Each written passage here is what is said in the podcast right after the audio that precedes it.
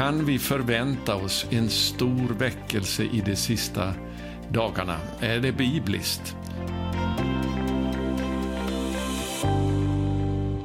Vi är oerhört tacksamma till var och en av er som stöder vårt arbete ekonomiskt. Bönerörelsen Norden 714 utökar nu sin verksamhet och vill du vara med att stödja oss i det här så kan du använda dig av någon av betalsätten du ser här i bilden. Gå till vår hemsida norden714.com där alla uppgifter finns om konton som du kan använda dig av både i Sverige, i Norge, Finland och Danmark för att stödja vårt arbete med Norden 714. För att vi ska få se folkväckelser och en samhällsförändring och att Norden ska komma in i sin kallelse att sprida evangeliet ner över hela Europa. Det är därför vi finns till. Tack för att du är med och stöder oss. Glöm inte också att prenumerera på våra budskap här på Youtube och tryck också på eh, symbolen med klockan så att du får ett meddelande när dessa videobudskap kommer ut. Det säkraste sättet dock att få de här budskapen det är att du anmäler dig och blir en del av de 10 000 bedjarna som vi reser upp i de nordiska länderna. Så gå till vår hemsida norden714.com och anmäl dig idag som en bedjare i Norden 714. Gud välsigne dig. Kära bedjare i Norden 714. Det här är mitt första budskap nu till er alla för det här året 2021. Och jag kommer att tala över ämnet Blir det väckelse? Frågetecken. Frågan är, kan vi förvänta oss en stor väckelse i de sista dagarna? Är det bibliskt?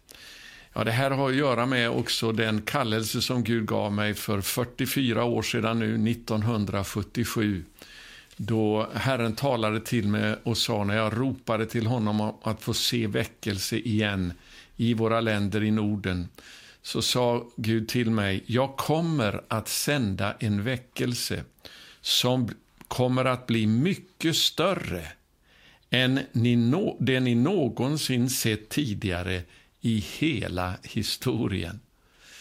Ja, det är frågan om, är det här bibliskt? Och det är vad jag ska tala om. Har vi eh, i det här budskapet, har vi en rätt att förvänta oss en väckelse större än någonsin tidigare i hela historien?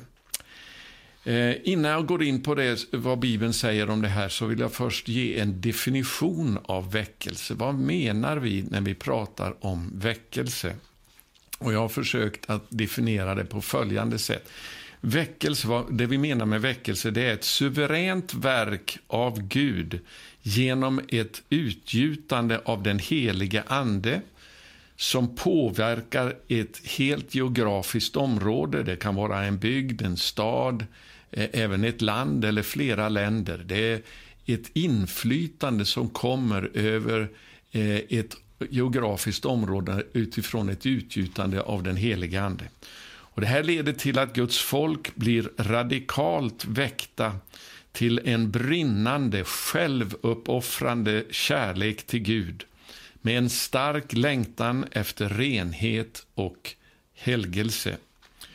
För det andra, syndare får nöd för sitt tillstånd och börjar vända sig till Gud i stora skaror. Så jag ska läsa det här igen då, den, eh, vad vi menar med väckelse. Väckelse det är alltså för det första ett suveränt verk utav Gud. Det är inget som människor kan åstadkomma i egen kraft. Och Det sker genom ett utgjutande utav den heliga Ande som påverkar en hel, eh, ett helt geografiskt område. Det kan vara en, eh, en eh, trakt, en, en stad, ett land eller länder. Och Det här leder till att Guds folk blir radikalt väckta till att få en brinnande, självuppoffrande kärlek till Gud. Det blir en passion för Gud som eh, gör att det blir en prioritet över allting annat i livet. Gud blir först. Man börjar älska Gud över allting annat. Och man får en stark längtan efter renhet och helighet i sitt liv. Och Det här leder då också till att syndare blir väckta över sitt tillstånd, att de inte har det rätt ställt med Gud och de börjar söka sig till Gud i stora skaror. Sen kan man ju tala om större eller mindre väckelser. Det kan finnas väckelser som, eh, som leder till väldigt stora skaror som kommer till tro på kort tid. Men det kan också vara Eh, i mindre utsträckning vi får se en väckelse. Frågan är alltså, kommer vi att få se det här i större skala än någonsin tidigare i hela historien? Ja, eh, för det första också, innan jag ska svara på den frågan, och det för det andra då, det är att en väckelse, den kommer alltid som ett resultat utav bön. Och det var vad Gud sa till mig också 1977. Det blev ju kallelsen som jag fick då till, eh, till bön. Uh, Herren sa, jag kommer att sända en väckelse som kommer att bli mycket större än den ni någonsin sett tidigare i hela historien. Men det kommer enbart att ske i exakt samma utsträckning som ni ber. Sannerligen, och så hörde jag Herren säga det här då, sannerligen Herren, Herren gör alls ingenting utom genom bön. Jag ska ge några exempel på det här, att det är bön som alltid föregår väckelse och andens utgjutande ifrån det som står i eh, Apostlagärningarna. Det första exemplet, jag ska ge fem stycken exempel på det här. Det första är då eh, vi läser om i Apostlagärningarnas andra kapitel. Och eh, ifrån vers 1, när pingstdagen hade kommit var det alla samlade. Då kom plötsligt från himlen ett dån som när en våldsam storm drar fram och det fyllde hela huset där det satt.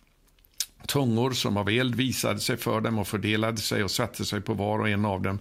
Och de uppfylldes alla av den heliga Ande och började tala främmande språk allt eftersom Anden ingav dem att tala. Det här föregicks av det som vi läser i det första kapitlet i vers 14, där det står att alla dessa, det vill säga de som hade fått se Jesus fara upp till himlen ifrån Oljeberget, alla dessa höll endräktigt ut i bön tillsammans med några kvinnor. Så eh, man var alltså, man hängav sig åt bön under de dagarna som föregick Andens utgjutande på pingstdagen i Jerusalem. Det andra exemplet är från kapitel 6 eh, där vi läser då om att eh, det var ett problem som hade uppstått i församlingen av att vissa änkor blev förbisedda vid den dagliga utdelning, utdelningen. Och då säger apostlarna så här ifrån vers 2. Eh, kallade, då kallade de tolv till sig alla lärjungarna och sa det är inte bra att vi försummar Guds ord för att göra tjänst vid borden. Nej, bröder, utse bland er sju män som har gott anseende, som är uppfyllda av ande och vishet, så ger vi dem den uppgiften. Och så säger man då i vers 4 så här. Själva skall vi ägna oss åt bönen och åt ordets tjänst. Så man prioriterade nu att allt intensivare gå in i bön eh, framför de praktiska uppgifter som man hade varit upptagna utav. Och då står det i vers 7. Och Guds ord hade framgång och antalet lärjungar i Jerusalem ökade kraftigt. Även en stor skara präster blev lydiga mot tron. Så här ser vi alltså att Guds rike har framgång. Många kommer till tro. Det var ett resultat av att apostlarna valde att, som det står i den äldre svenska bibeln, helt ägna sig åt bönen och åt ordets tjänst. Det tredje exemplet ska vi läsa ifrån eh, slutet av kapitel 9 där vi ser hur pa eh, Petrus förlåt, ehm, hade rest omkring i eh, hela Samarien. Och, men så står det så här i den sista versen i det kapitlet. Därefter stannade han en längre tid i Joppe hos en viss Simon som var garvare. Så han stannade upp i sin resande tjänst. Och vi läser i det nästa kapitel vad det var han sysslade med eh, då när han var hos, eh, hos eh, den här garvaren Simon i Joppe. Det läser vi om i det tionde kapitlet och vers 9. Det står det så här. Nästa dag medan de ännu var på väg, det är alltså utsända här nu ifrån eh, Caesarea. Jag kommer in på det om ett ögonblick, eh, och de närmade sig staden, gick Petrus vid sjätte timmen upp på taket för att be. Eh, och vi kan också se att han fastade då för han blev hungrig så att han ville ha någonting att äta. Så Petrus stannade upp i sin eh, resande tjänst för att vara kvar på en speciell plats för att ägna sig åt bön. Och likadant läser vi då i, om en annan man som också ägnade sig åt bön, nämligen Cornelius. I de första verserna där i kapitel 10 så står det i Caesarea bodde en man som hette Cornelius, en officer vid den italiska vaktavdelningen. Han var from och fruktade Gud, liksom alla i hans hus, och han gav frikostigt med gåvor till folket och bad alltid till Gud. Och då står det så här sen i vers 3. Eh, en dag omkring nionde timmen såg han tydligt i en syn hur en Guds ängel kom in till honom och sa Cornelius. Han stirrade förskräckt på ängeln och frågade vad är det, Herre? Ängeln sa dina böner och dina gåvor har stigit upp till Gud som ett offer han kommer ihåg. Så här ser vi alltså Cornelius, han ägnar sig åt bön och de här bönerna de gör att eh, de, kommer, de stiger upp till Gud och, eh, som en åminnelse från honom, alltså någonting som Gud kommer ihåg de här bönerna. Och Vi läser då vad som resultatet blev efter det att Petrus hade blivit kallad att komma till Cornelius utifrån de instruktioner Cornelius hade fått genom ängeln i vers 44. Medan Petrus ännu talade föll den helige ande över alla dem som hörde ordet. Och så börjar väckelsen bland hedningarna. Precis som det var tidigare i Apostlagärningarna med början i, på pingstdagen då 3000 kom till tro. Därför man hade ägnat sig åt uthållig endräktig bön. Så ser vi nu hur speciella individer, det är Petrus och det är Cornelius, som stannar upp och ägnar sig åt bön och så faller den heliga ande igen. Eh, det fjärde exemplet det ska vi titta på från kapitel 12. Det är när Petrus fängslas. Det är en svår tid för församlingen nu när ledaren i församlingen blir arresterad. Eh, Jakob, eh, som var Johannes bror, hade redan blivit avrättad, lidit martyrdöden. Eh, och nu fängslar man också församlingens ledare Petrus för att ställa honom inför rätta. Och Då står det så här i vers 5. Petrus hölls därför kvar i fängelset, och, men församlingen bad uthålligt till Gud för honom. Och när Petrus blir frisläppt så står det i den tolfte versen, eh, då han nu insåg vad som hade hänt, alltså var ängeln som som eh, kom och befriade honom på ett övernaturligt sätt som svar på bön. Då han nu insåg vad som hänt gick han till Marias hus, hon som var mor till den Johannes som kallades Markus. Där var många församlade och bad. Och det var alltså mitt i natten. Man höll ut hela natten i bön. Det var en kris som ledde till att församlingen eh, intensifierade sin bön. Vad står det sen i slutet av kapitlet? Jo, ifrån vers 24. För det första blir Herodes då, som hade tänkt att göra det här, han blir eh, slagen av en ängel och dör. Och eh, det står i vers 24, Guds ord hade framgång och spreds allt mer. Det vill säga människor, allt fler kom till tro. Väckelse som ett resultat av en intensifierad period av bön. Det femte exemplet är då i början av kapitel 13 när vi läser om församlingen i Antiochia och hur ledarskapet där bestämmer sig för att eh, sätta åt sidan tid för att eh, Eh, eh, tjäna inför Gud i fasta och bön. Det står eh, om de här ledarna i vers 1 och sedan i vers 2 när de tjänade Herren och fastade sa den helige Ande avskilj åt mig Barnabas och Saulus för den uppgift som jag har kallat den till.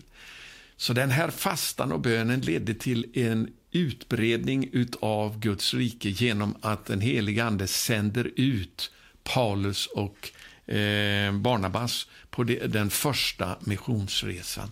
Vi kan ju läsa i slutet av kapitel 14 resultatet av den här bönen och fastan när eh, genom det som Paulus och Barnabas säger då när de kommer tillbaka från den här resan.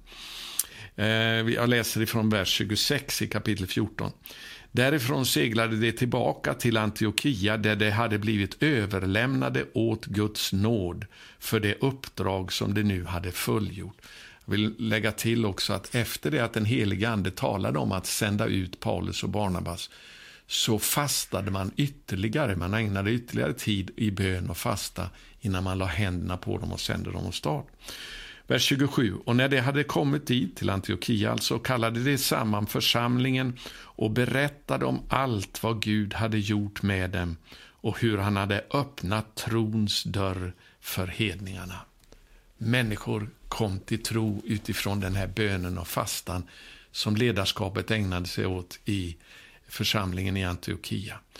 Så väckelse, vi kan se det ifrån Guds ord, det är alltid ett resultat av att människor börjar att be. Och Det är ju därför vi har den här bönerörelsen som från början började med Sverige 714 nu till Norden 714, Nordens eh, alla länder. För vi tror att det finns löften från Herren om en mäktig väckelse, ett gudsverk i den sista tiden utifrån Nordens länder med korset i sina flaggor.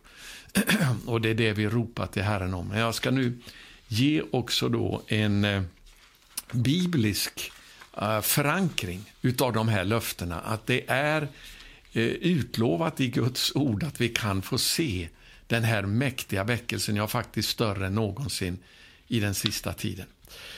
Eh, så bön, jag vill säga det först, ge ett, ett citat här utav Martin Luther. Han sa någonting väldigt bra. Bön, det handlar inte om att försöka övervinna Guds ovilja, det vill säga att få honom att ändra på det han har tänkt och, och göra någonting som vi har tänkt. Utan det handlar om att frimodigt lägga beslag på vad som är Guds vilja.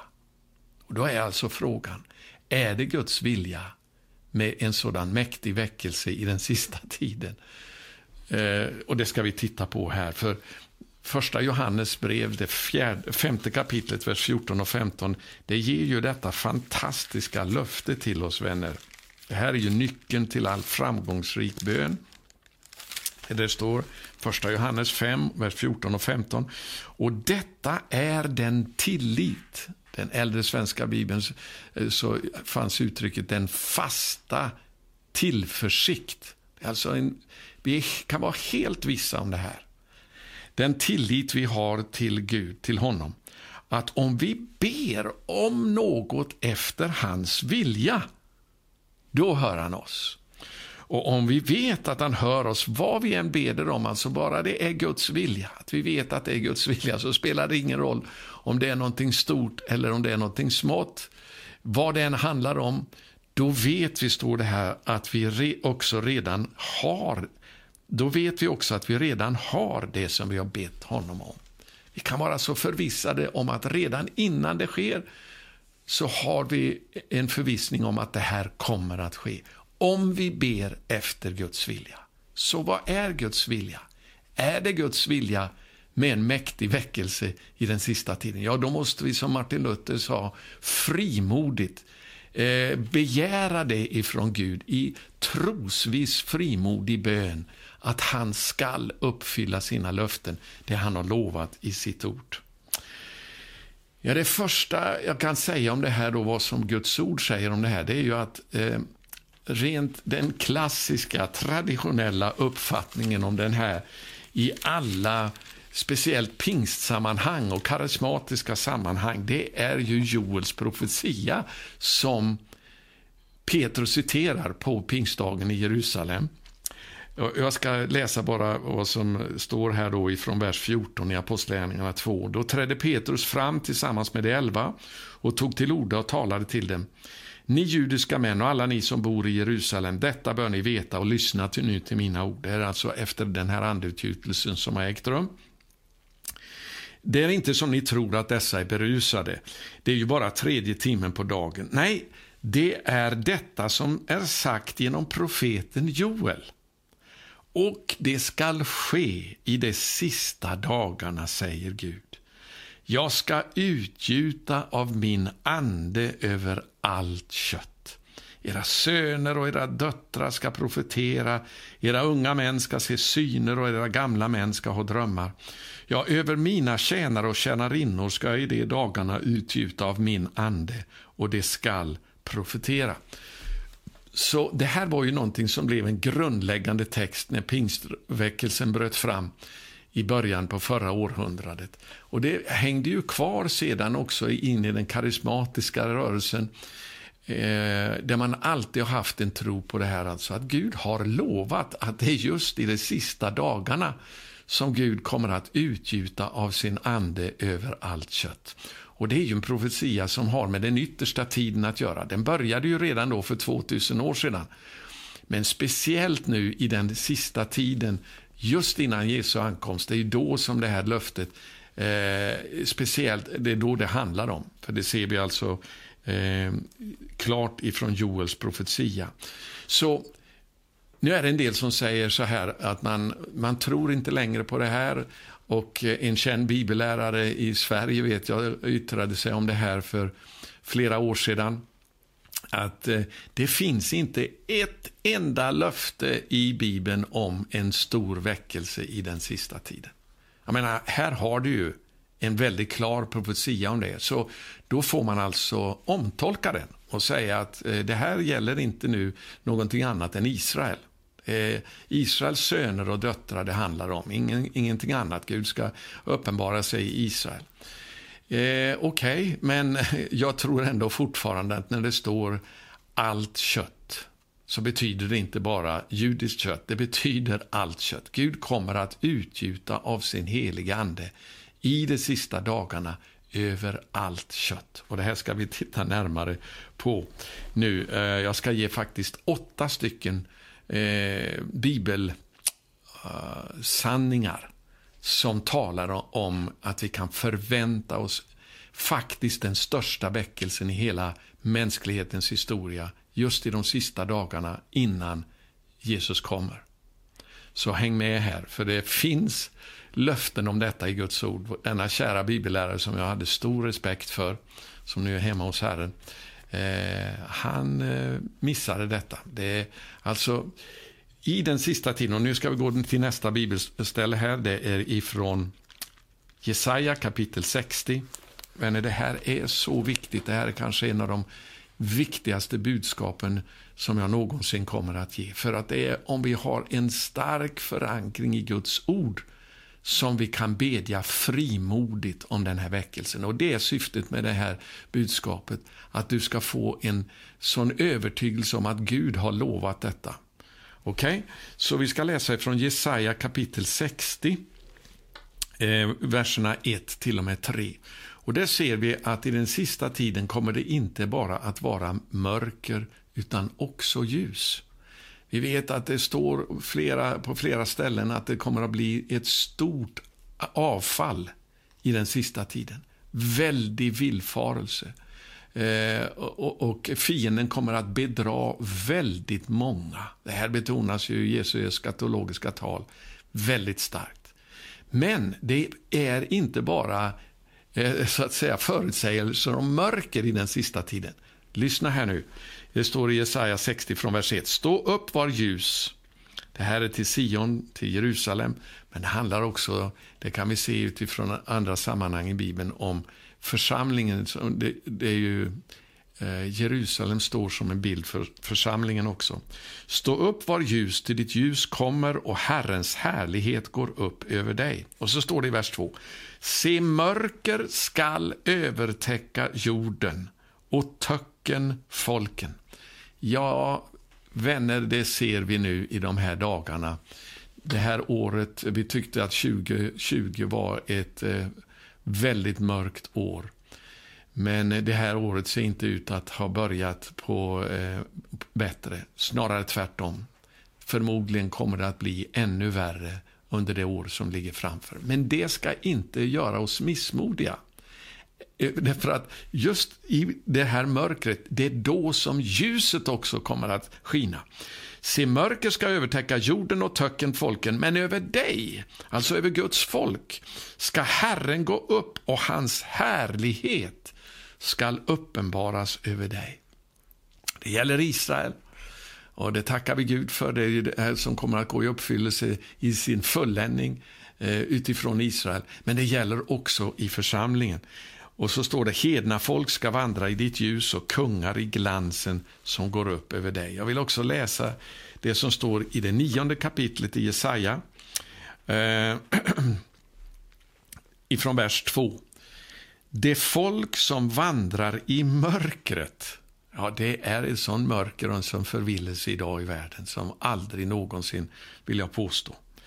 De ska se ett stort ljus, ja, över dem som bor i dödsskuggans land.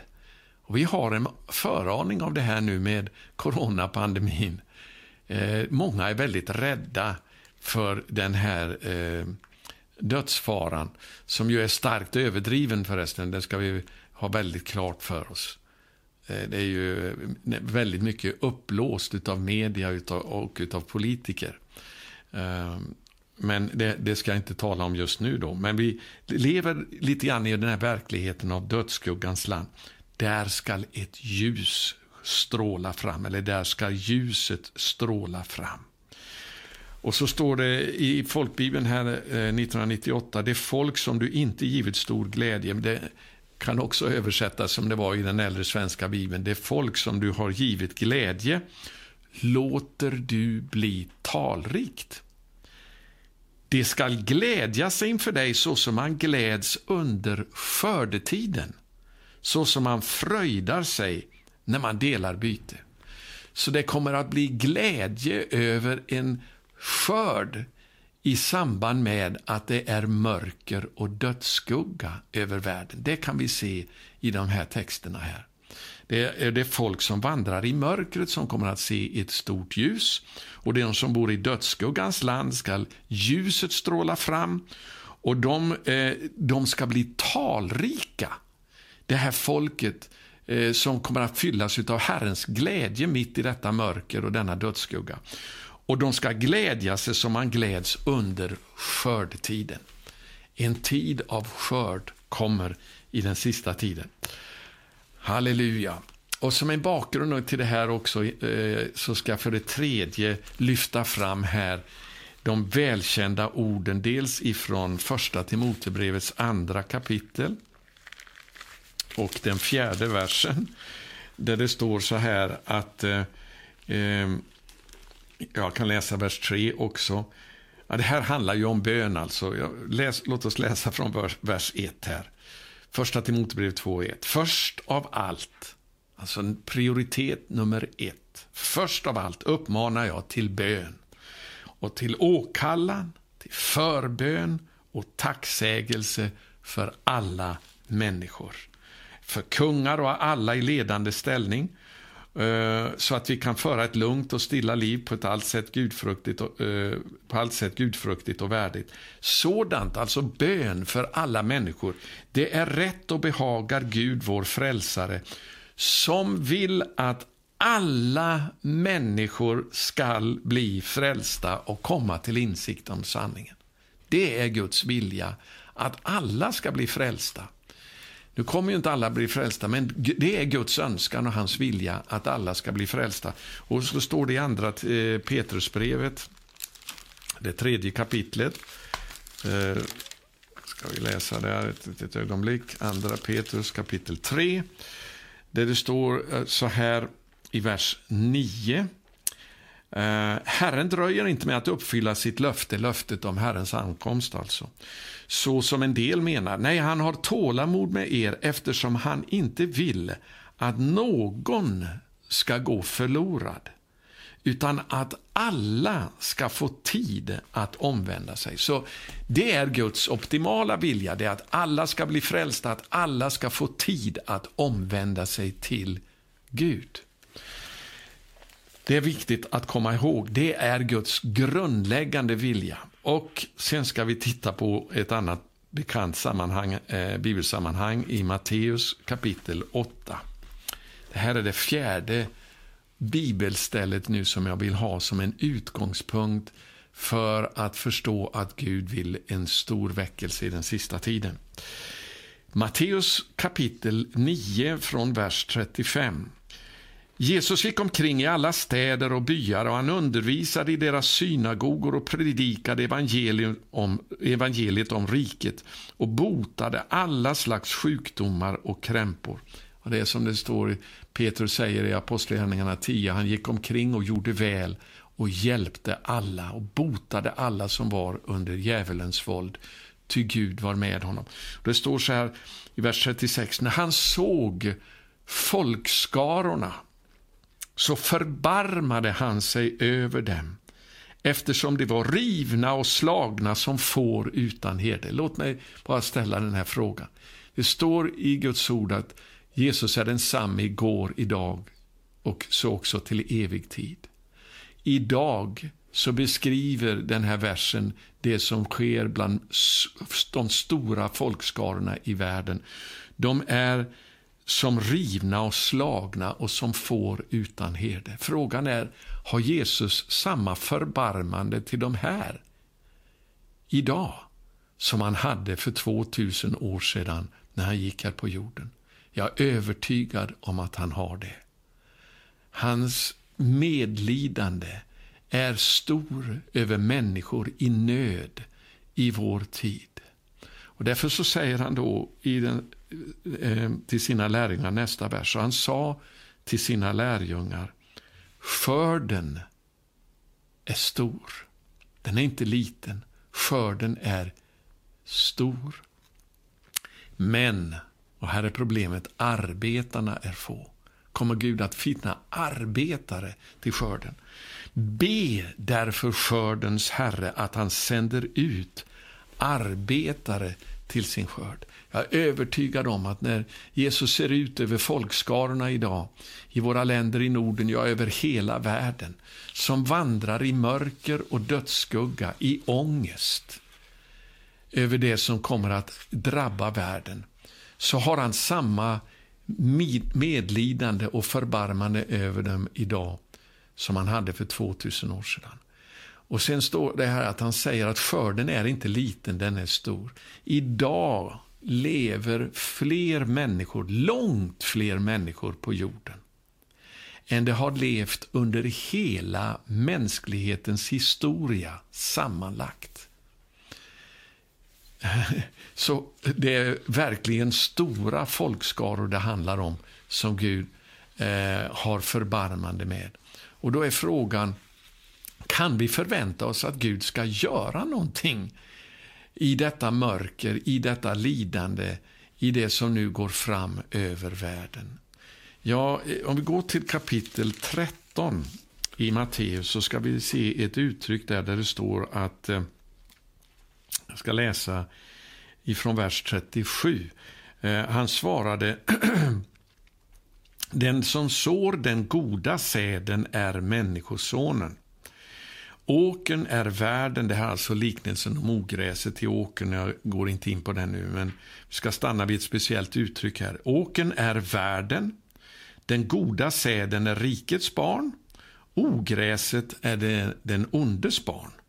Ovännen som sådde det är djävulen och skördetiden är tidsålderns slut. Och skördemännen är änglar, eller budbärare som det också kan översättas. Det, kan, det, handlar om rena änglar, men det kan också handla om sådana som är utsända av Gud. De kallas också för änglar, utsända, budbärare i Guds ord. Och Det står alltså att skördetiden, det är den här tidsålderns avslutning. Om vi ska läsa om den här skörden i Uppenbarelseboken kapitel 14 för här läser vi nu en beskrivning av skördens herre eh, och skörden som kommer att inbärgas. Det står så här. ifrån vers 14 i uh, Uppenbarelsebokens 14 kapitel. Och jag såg och se ett vitt moln och på molnet satt en som liknade Människosonen. Det är alltså, vad jag förstår, så handlar det om Jesus själv, om skördens herre. På sitt huvud hade han en krona av guld och i sin hand en skarp skära.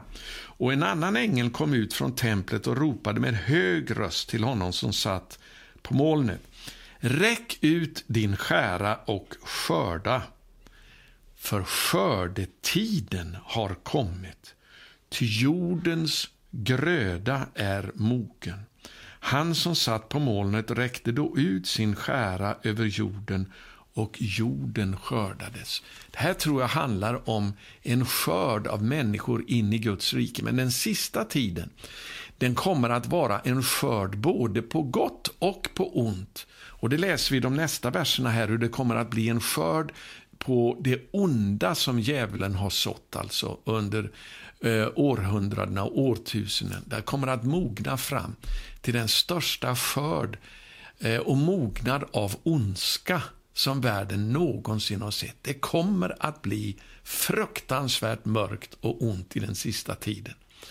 Men som jag sa, det kommer inte bara att vara mörkt utan också ljus. Men vi läser om då den eh, skörden av ondska här nu, verserna efter den här skörden eh, med eh, lien som har gått fram över eh, skäran alltså. Det handlar ju om man skar, eh, skar av säden och säden, det handlar om det som bärgas för Guds rike. Men så står det om en annan skörd också här. Eh, en annan ängel kom ut från templet i himlen och han hade också en skarp skära. Eh, förlåt, alltså det här är den skarpa skäran som handlar om den första skörden. Vers 18 nu, nästa vers. Och en annan ängel som hade makt över elden kom ut från altaret han ropade med stark röst till ängeln med den skarpa skäran. Räck ut din, din skarpa skära och skörda druvklasarna på jordens vinstock, ty dess druvor är mogna. Och ängeln räckte då ut sin skära över jorden och skördade druvklasarna på jordens vinstock och kastade dem i Guds vredes stora vinpress. Så här handlar det alltså om domen som kommer efter skörden som har bärgat in i Guds rike. Tidsålderns avslutning är alltså skördetiden både på gott och på ont. Eh, läser den sista versen här. Vinpressen trampades utanför staden och blod flöt från pressen och nådde upp till Betslen på hästarna på en sträcka av 1600 stadier. Så det här är alltså en skörd också av ondskan när den kommer att få sin dom. Den kommer att bli fullmogen till dom i den sista tiden. Det blir en åtskillnad mellan rättfärdighet och orättfärdighet. Mellan mörker och ljus och ondska och det som är ifrån Gud. Så att båda kommer att eh, nå fram en skörd inför Herren. Och i, den här, I det här sammanhanget så måste vi då också läsa ifrån kapitel 7 i Uppenbarelseboken. För det här är nog för mig ändå kanske den allra starkaste bibeltexten som visar på en oändligt stor skörd just i denna sista tid av mörker och lidande och ångest som kommer att gå fram över världen. Läser ifrån vers 9 i kapitel 7 av Uppenbarelseboken. Därefter såg jag se en stor skara som ingen kunde räkna av alla folkslag och stammar och länder och språk. De stod inför tronen och inför lammet klädda i vita kläder med palmblad i händerna och de ropade med hög röst Frälsningen tillhör vår Gud, honom som sitter på tronen och lammet. Ja, han är en mäktig frälsare och han har makt att frälsa även i den sista tiden. För vi ska se nu i det här bibelsammanhanget att det här handlar om en stor skara som ingen kan räkna. som kommer att bli frälsta ifrån jorden just i den sista stora tiden av nöd. Eh, vi läser vidare här. Och alla änglar stod runt omkring tronen och kring de äldste och de fyra väsena och de föll ner på sina ansikten inför tronen och tillbad Gud och sa Amen. Lovet och priset, visheten och tacksägelsen, äran, makten och väldet tillhör Antikrist? Nej, tillhör vår Gud i evigheternas evigheter. Amen. Antikrist och ondskan kommer att tillåtas av Gud för att ondskan ska kunna bli dömd. Jag hinner kanske inte gå in på det mer nu, men det är syftet med att Gud tillåter den här ondskan att växa i den sista tiden. Det är för att den kommer att mogna fram till en dom. Så att Gud kommer att vara rättvis när han dömer ondskan. Han kommer att låta människorna framhärda i sitt eh, uppror mot Gud och i sin ondska. Men mitt i det här så kommer han också att få en stor skara som kommer att komma till tro, som kommer bli större än vi någonsin sett tidigare i historien. Här har du alltså bekräftelsen på det Gud talade till mig 1977. Halleluja. En stor skara som ingen kan räkna, för den här skaran beskrivs nu. Eh, I nästa vers så står det en av de äldste frågade mig, dessa som är klädda i vita kläder, vilka är det? Och varifrån har de kommit? Jag svarade, min herre, du vet det. Då sa han till mig, alltså Johannes är tydligen förvånad, han, han förstår inte vad är det här för någonting det handlar om. Då står, han, då står det att han får det här svaret. Då sa alltså den, eh, den här äldste till Johannes, dessa är de som kommer ur den stora nöden. Eller som samma ord som också översätts med vedermödan. Ja, i samband med den stora sista nöden och vedermödan som kommer att gå fram över världen, så kommer den största skörden att bärgas för Guds rike som vi någonsin sett i hela historien. Um, och det står att eh, det är dessa som kommer ur den stora nöden och de har tvättat sina kläder och gjort dem vita i Lammets blod. Halleluja. Vet att Gud kommer att få sitt hus, fadershuset, fullt. Det här står det om i Lukas, jag ska läsa det i kapitel 12. Halleluja, huset kommer att bli fullt. Det står det så här om det är den här berättelsen om, om eh, den rike mannen som inbjöd till en stor fest, men de som var bjudna, de ville inte komma.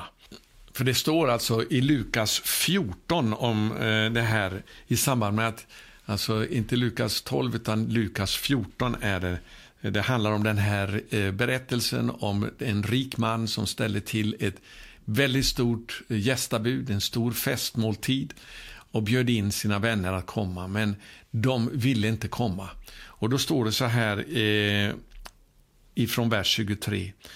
Då sa Herren till sin tjänare, gå ut på vägar och stigar och uppmana enträget människor att komma in, så att mitt hus blir fullt. Jag tror att det är vad som kommer att ske i den sista tiden. De människor eh, som kanske först har blivit bjudna, som har fått erbjudandet, kommer inte att acceptera inbjudan. Men Gud kommer att se till att hans festsal blir full.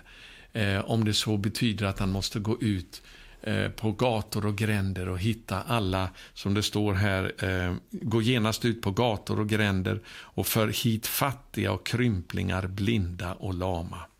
Och uppmana dem enträget att komma därför mitt hus ska bli fullt. Vi kan förvänta oss att Gud kommer att få eh, bärga den skörd som han har tänkt i den sista tiden.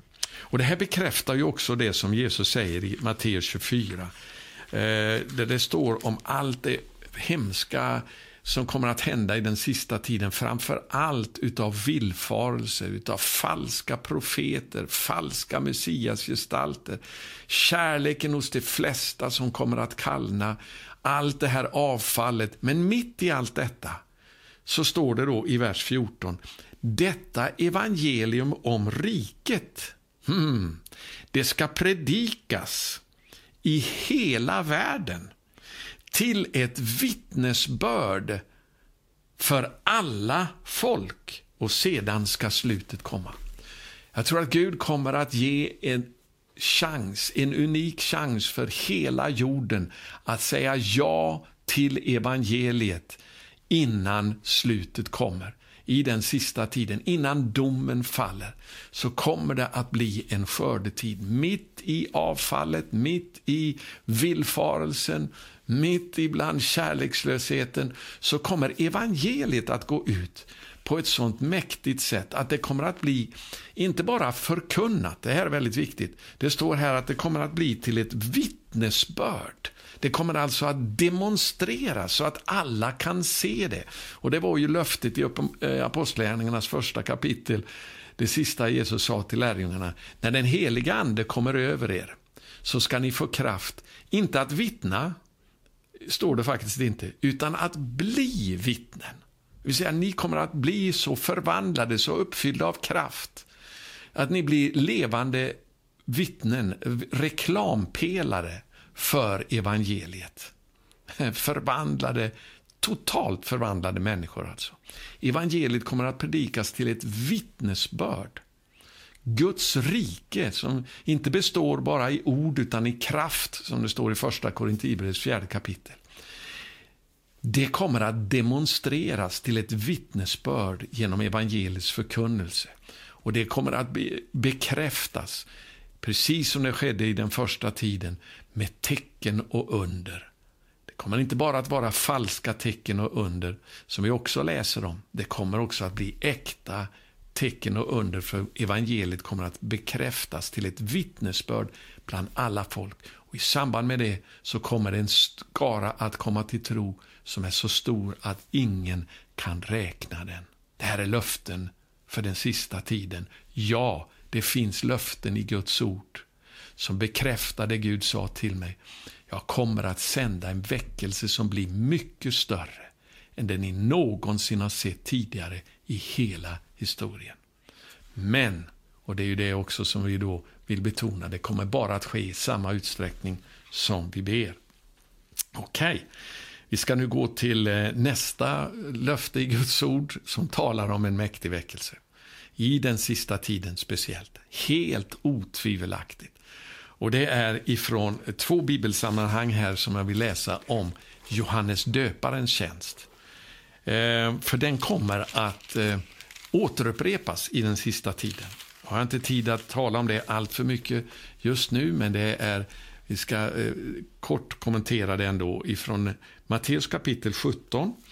Där läser vi om när Jesus blir förvandlad inför Petrus och Johannes och, och eh, Jakobs egna ögon på förklaringsberget.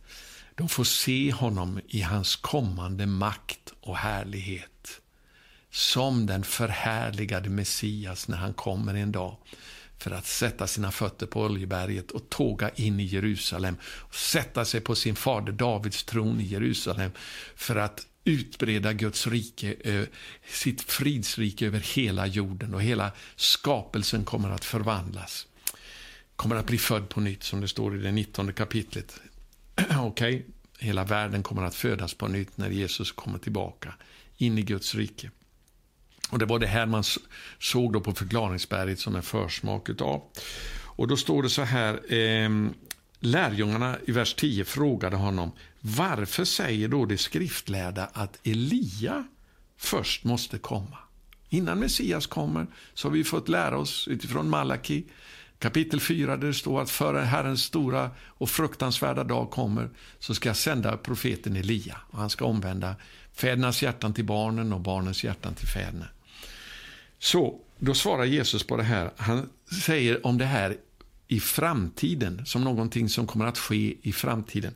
Han svarade Elia skall komma och återupprätta allt. Men sedan går han vidare i nästa vers och säger att men jag säger Elia har redan kommit. Och det kände inte igen honom, utan de gjorde med honom alldeles som de ville. På samma sätt ska det också Människosonen få lida genom dem. Då förstod lärjungarna att han hade talat till dem om Johannes döparen. Så Johannes döparen, han var en första uppfyllelse av löftet om Elia som ska bereda vägen för Herren. Men den slutliga uppfyllelsen av det löftet, det kommer i den sista tiden, då Elias ande och kraft kommer att utgjutas Eh, precis som det skedde genom Johannes döparens tjänst, så kommer det att ske i stor skala i den sista tiden för att förbereda Herren eh, för Herrens ankomst. Det för Johannes döparen sa nämligen själv, Jesus sa om honom, han är den Elias som skulle komma.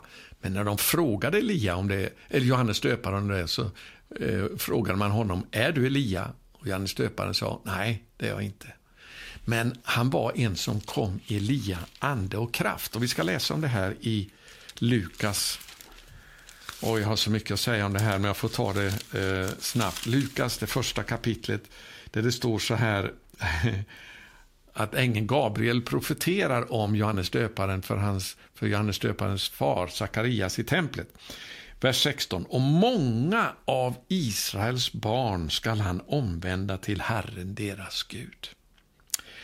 Vers 17. Han ska gå framför honom, alltså framför Israels Gud, framför Messias, i Elias ande och kraft för att vända fädernas hjärtan till barnen och barn, omvända det olydiga till ett rättfärdigt sinnelag och så skaffa åt Herren ett folk som är berett. Det var Johannes döparens uppgift. Att när Jesus kom första gången omvända folket till Gud så att det var ett folk som var berett för Messias när han kom första gången. Och Det här kommer alltså också att ske i den sista tiden. Det kommer att bli ett utgjutande av Elias ande och kraft. Söner och döttrar skall profetera. Profet, en, eh, alltså Elias står som en, en eh, prototyp för profettjänsten i den sista tiden. Och Det har att göra speciellt med innan Herrens stora och fruktansvärda dag kommer, det vill säga domens dag. Och Det var inte när, när Jesus kom första gången. Då kom han för att predika ett nådens år från Herren. Eh, domen kom senare. Eh, och Det är i samband med alltså den sista stora domen som Elias ande och kraft kommer att bli utgjuten på ett speciellt sätt. Um, och Jag vill nämna här om en, eh, ett uttalande som jag hörde av eh, den kände bibelläraren Derek Prince när jag lyssnade till honom eh, på, på hösten 1972. Eh, och Det var en av de första gångerna jag hörde hans undervisning. Då sa han någonting som grep tag i mig och som jag aldrig har kunnat glömma. Det är alltså snart 50 år sedan, 49 år sedan nu. Eh, han sa att jag tror att det kommer att bli en mäktig väckelse i den sista tiden som förmodligen inte kommer att vara längre än tre till sex månader. Och Jag vet inte varför han sa det, vad han hade för grund till det, men grunden kan man faktiskt se i Johannes döparens tjänst. För den varade inte mer än tre till sex månader och sedan var den över. Sedan blev han satt i fängelse. Från den dag då han öppnade sin mun och började eh, profetera och förkunna, predika, eh, omvändelsens dop, eh, att, eh, och bereda vägen till Herren till dess att hans tjänst var över, så gick inte mer än tre till sex månader. På samma sätt så tror jag att vi kan förvänta oss en, en sådan intensiv skördetid i den sista tiden. Och hur stor den blir i våra länder i Norden, det kommer att bero på hur mycket vi ber. Det var det som vi ser i Guds ord som en princip. Eh, Herren gör alls ingenting genom, utom genom bön. Det var ett uttalande som faktiskt John Wesley gjorde. Eh, och Herren sa till mig att det kommer att ske i samma utsträckning som vi ber. Så Herren kommer att få ett välberett folk när han kommer. Han kommer för att hämta en brud som har gjort sig redo. Därför så kommer det att bli en upprättelse i den sista tiden. Det var som Jesus sa, Elia skall komma och återupprätta allt. Det vill säga föra församlingen tillbaka till det vi ser i början när vi läser Apostlagärningarna. Apostlagärningarnas församling kommer att återuppstå igen i kraft eh, och i, med väckelse som vi läser om eh, i Apostlagärningarna. Det kommer att bli en återupprättelse av allt. Och I Fesebrevet kapitel 4, vers 12 och 13 och sedan i kapitel 5, vers 25-27. Jag ska faktiskt inte ta tid med att läsa de texterna nu, men där kan vi se Um, och jag måste nog göra det för att det är så starka bibelord här. Uh, Efesierbrevet 5. Uh, eh, vi börjar med kapitel 4. Det står det om eh, ifrån vers 11. Han gav några till apostlar, andra till profeter, andra till evangelister och andra till herdar och lärare. Det är framförallt de här som är alltså skördearbetarna som vi måste be Herren om att han sänder ut de här arbetarna till sin skörd. Deras uppgift står det här, att är, vers 12, att utrusta de heliga till att utföra sin tjänst, att bygga upp Kristi kropp. Så här kommer hela församlingen in, att alla kommer att vara involverade i det här. Alla troende. Vers 13. Tills vi alla når fram till enheten i tron och i, till, i kunskapen om Guds son till en sådan mått av manlig mognad att vi blir helt uppfyllda av Messias, av Kristus. Den här mognaden, manliga mognaden in till Messias fullhet, den kommer vi att få se Därför att det var syftet här. Och Gud kommer ju inte att avsluta den här tidsåldern i ett nederlag av att eh, det var en härlighet i början men mot slutet så kommer det bara att bli värre och värre. Nej, det kommer att bli ett folk som är berett, som har nått fram till full mognad och trons enhet. Och i det femte kapitlet eh, så står det så här, ni män älskar era hustrur, vers 25, så som Messias har älskat församlingen och offrat sig för den för att helga den, sedan han renat den genom vattnets bad i kraft av ordet. Ty han ville ställa fram församlingen inför sig i härlighet, utan fläck eller skrynkla eller något annat sådant. Helig och fullkomlig skulle den vara. Så vi kan förvänta oss en upprättelse av församlingen i den sista tiden till full mognad, och till trons enhet, till en strålande härlighet och renhet och till en helighet och fullkomlighet. För att en brud ska vara redo för brudgummen när han kommer. Elias skall komma och återupprätta allt. Och I samband med den återupprättelsen så kommer det att bli en omvändelse av stora skaror. En väckelse som det var på Johannes döparens dagar. Och som eh, Derek Prince talade om en väckelse i den sista tiden som förmodligen, det var han sa, det är min uppfattning, jag tror inte den väckelsen kommer att vara längre än kanske tre till sex månader.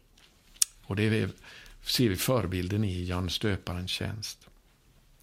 Det sjunde bibelstället, jag har bara två stycken kvar här nu, men jag hoppas ni kan eh, hänga med fortfarande. I Romarbrevets elfte kapitel, det står det ifrån vers eh, 25.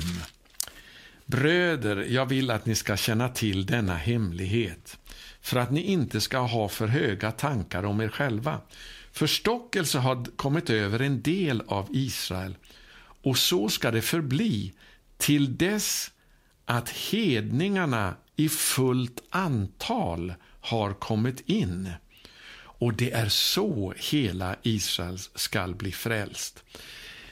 Okej, okay, det här ordet som översatts med fullt antal, det är ordet pleroma i grekiskan. Eh, eller pleroma, eller nu uttalas, jag kan inte grekiska, men så mycket vet jag att det ordet har i första hand inte med antal att göra, utan med mognad. Så det kan alltså översättas till dess att hedningarnas fulla mognad har kommit. Det handlar om antal. Men det handlar också om den här fullheten som det står om i Efesierbrevet 4, att vi har kommit fram till eh, Messias fullhet. Därför att den fullheten bland hedningarna är det som kommer att leda till Israels frälsning. Paulus talar om det tidigare i kapitel 11, att, eh, att eh, frälsningen har kommit till hedningarna. för att detta ska väcka Israels avund. Och Det har vi inte sett ännu. Och Gud kommer att få fullborda det, den plan han har. Israel kommer att väckas till avund genom en fullhet ibland hedningarna. Så det kan vi förvänta oss i den sista tiden. Det är ytterligare en bekräftelse på den mäktiga andeutgjutelse i den sista tiden som kommer att leda till en förhärliga, en härlig församling och ren brud som kommer att väcka Israels avund så att hela Israel ska bli frälst. Halleluja! Fantastiskt. Och så till sist eh, Johannes kapitel 2 och vers 10. Ja, det står det om bröllopet i kanan när vinet hade tagit slut så skedde det miraklet att eh, vattnet förvandlades till vin. Och då säger ju den här som ledde festen, bröllopsfesten eh, eh, till brudgummen att normalt så sätter man ju fram det bästa vinet först och sedan när folket har fått för mycket så låter man det som är sämre eh, bjudas till gästerna. Men du har ju sparat det bästa vinet tills nu, alltså till sist. Och det tror jag också Herren kommer att göra. Den allra bästa tiden ligger framför oss. Den största väckelsen och härligheten. Men vi får inte blunda, vi får inte vara naiva. Det här kommer inte att ske utifrån en underbar tid av frid och harmoni. Det kommer att ske i samband med den sista stora nöden som kommer att gå fram i världen. Och den ser vi nu börjar att komma. Därför ska vi också förvänta oss denna mäktiga väckelse då skaror kommer att komma till tro genom att Gud utgjuter sin ande över allt kött. Inte bara över Israel, utan över allt kött i de sista dagarna. Så då evangeliet kommer att predikas till ett vittnesbörd i kraft och under och tecken över hela världen till ett vittnesbörd. Och så ska slutet komma. Så väckelsen kommer, den är utlovad. Jag är övertygad om det utifrån Guds ord. Men den kommer att ske i samma utsträckning som vi ber. Därför behöver vi ägna oss åt bön, intensiv bön. Precis som vi ser i Apostlagärningarna, eh, att intensifierad bön ledde till ett Eh, ett utgjutande av Guds ande då många människor kom till tro. Det är därför vi har den här bönerörelsen Norden 714. Gud har lovat också genom profeter under de sista decennierna om ett mäktigt väckelseverk i den sista tiden i våra korsmärkta länder i Europa. Det verket kommer att sprida sig ner över hela Europa. Det var det som Gud talade till mig 1977 också. Jag har inte nämnt det så många gånger. Men han sa att det kommer att bli en väckelse som blir större än den vi någonsin har sett tidigare i historien. Eh, och det enbart kommer att ske i samma utsträckning som vi ber. Så såg jag också att det var en väckelse som skulle utgå ifrån Skandinavien, ifrån Nordens länder och sedan gå ner över Europa. Och faktiskt också, Eh, eftersom vi har dem kors, eh, korset i våra flaggor, faktiskt också ifrån de brittiska öarna. Eh, såg, jag, såg jag 1977 och sedan dra sig ner över Europa och tillbaka till Jerusalem för att förbereda Herrens ankomst. Hedningarna i fullt antal ska komma in och så ska hela Israel bli frälst. Så vi behöver mycket bön och, det vill jag också säga, bön om arbetare till skörden. Halleluja, jag ska avsluta med detta bibelställe i Ordspråksboken eh, kapitel 10 och vers 5. En förståndig son samlar in om sommaren, alltså när det är skördetid. En vanartig son sover i skördetiden. Alltså just när det är skörd, det är då som alla arbetare behövs. För skörden är stor, men arbetarna är få. Det spelar ingen roll vem du är som ser det här.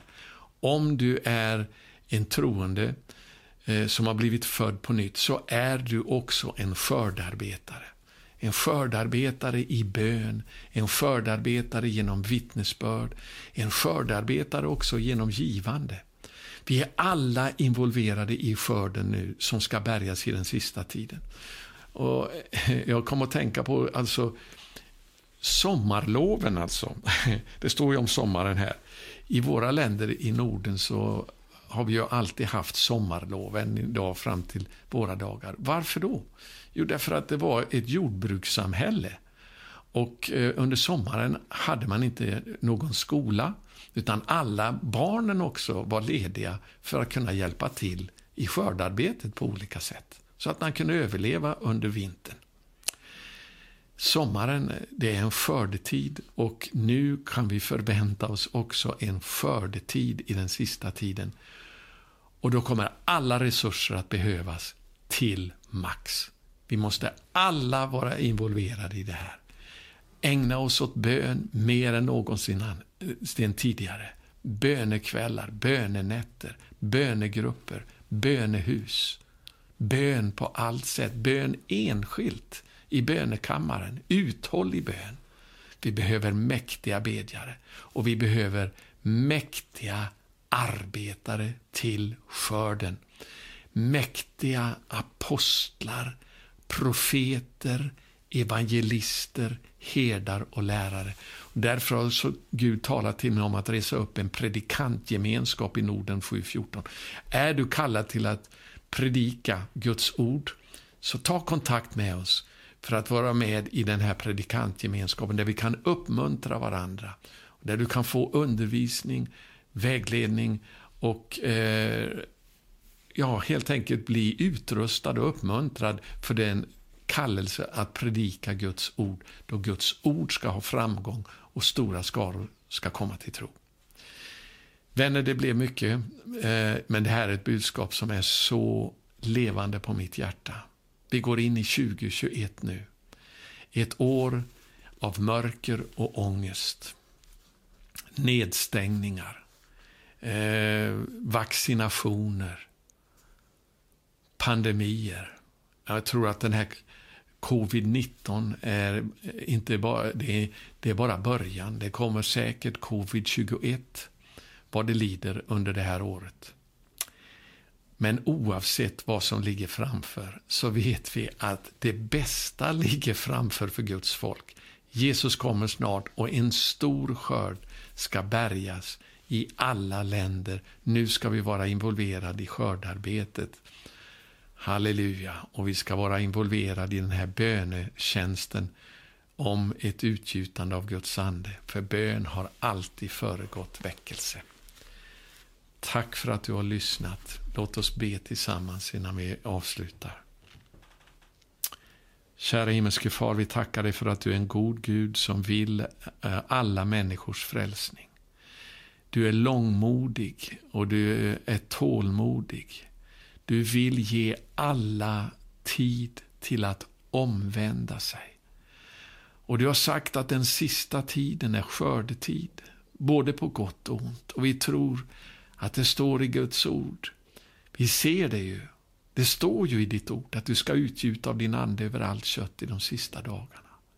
Och speciellt i samband med den sista nöden som kommer att gå fram över jorden så ska du bärga en väldigt stor skörd in i ditt rike. Skördetiden är denna tidsålders avslutning. Det är nu som fler människor finns på den här jorden än vad som har levt sammanlagt under hela mänsklighetens historia.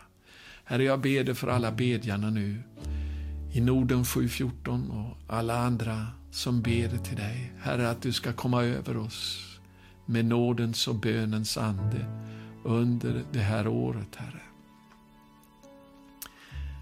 Att vi ska bli allt ivrigare bedjare, att du ska lära oss att be uthålligt till dess att du svarar med regn. Ett utgjutande av din heliga Ande, där stora skaror kommer till tro. Vi ber också att du ska sända ut arbetare till skörden. Ja, alla är vi kallade att vara involverade i skördarbetare, skördarbetet, men speciellt de som du har kallat, Herre, till att stå i en apostlatjänst och en profettjänst, eh, evangelisttjänst, i herdetjänst och lärartjänst. Dessa femfaldiga eh, nådegåvor, eh, tjänstegåvor som du har insatt i din församling. Att du reser dem upp i full kraft och utrustar dem med, med tecken och under som åtföljer deras förkunnelse. Det ber vi om detta år, att du ska förnya i detta år, i dessa dagar, dina mäktiga gärningar. Tack för att du är med oss alla dagar intill tidens slut och om du är för oss, vem kan då vara emot oss? I Jeshua, Jesu välsignade namn ber vi. Amen. Gud välsigna dig. Vi hörs snart igen.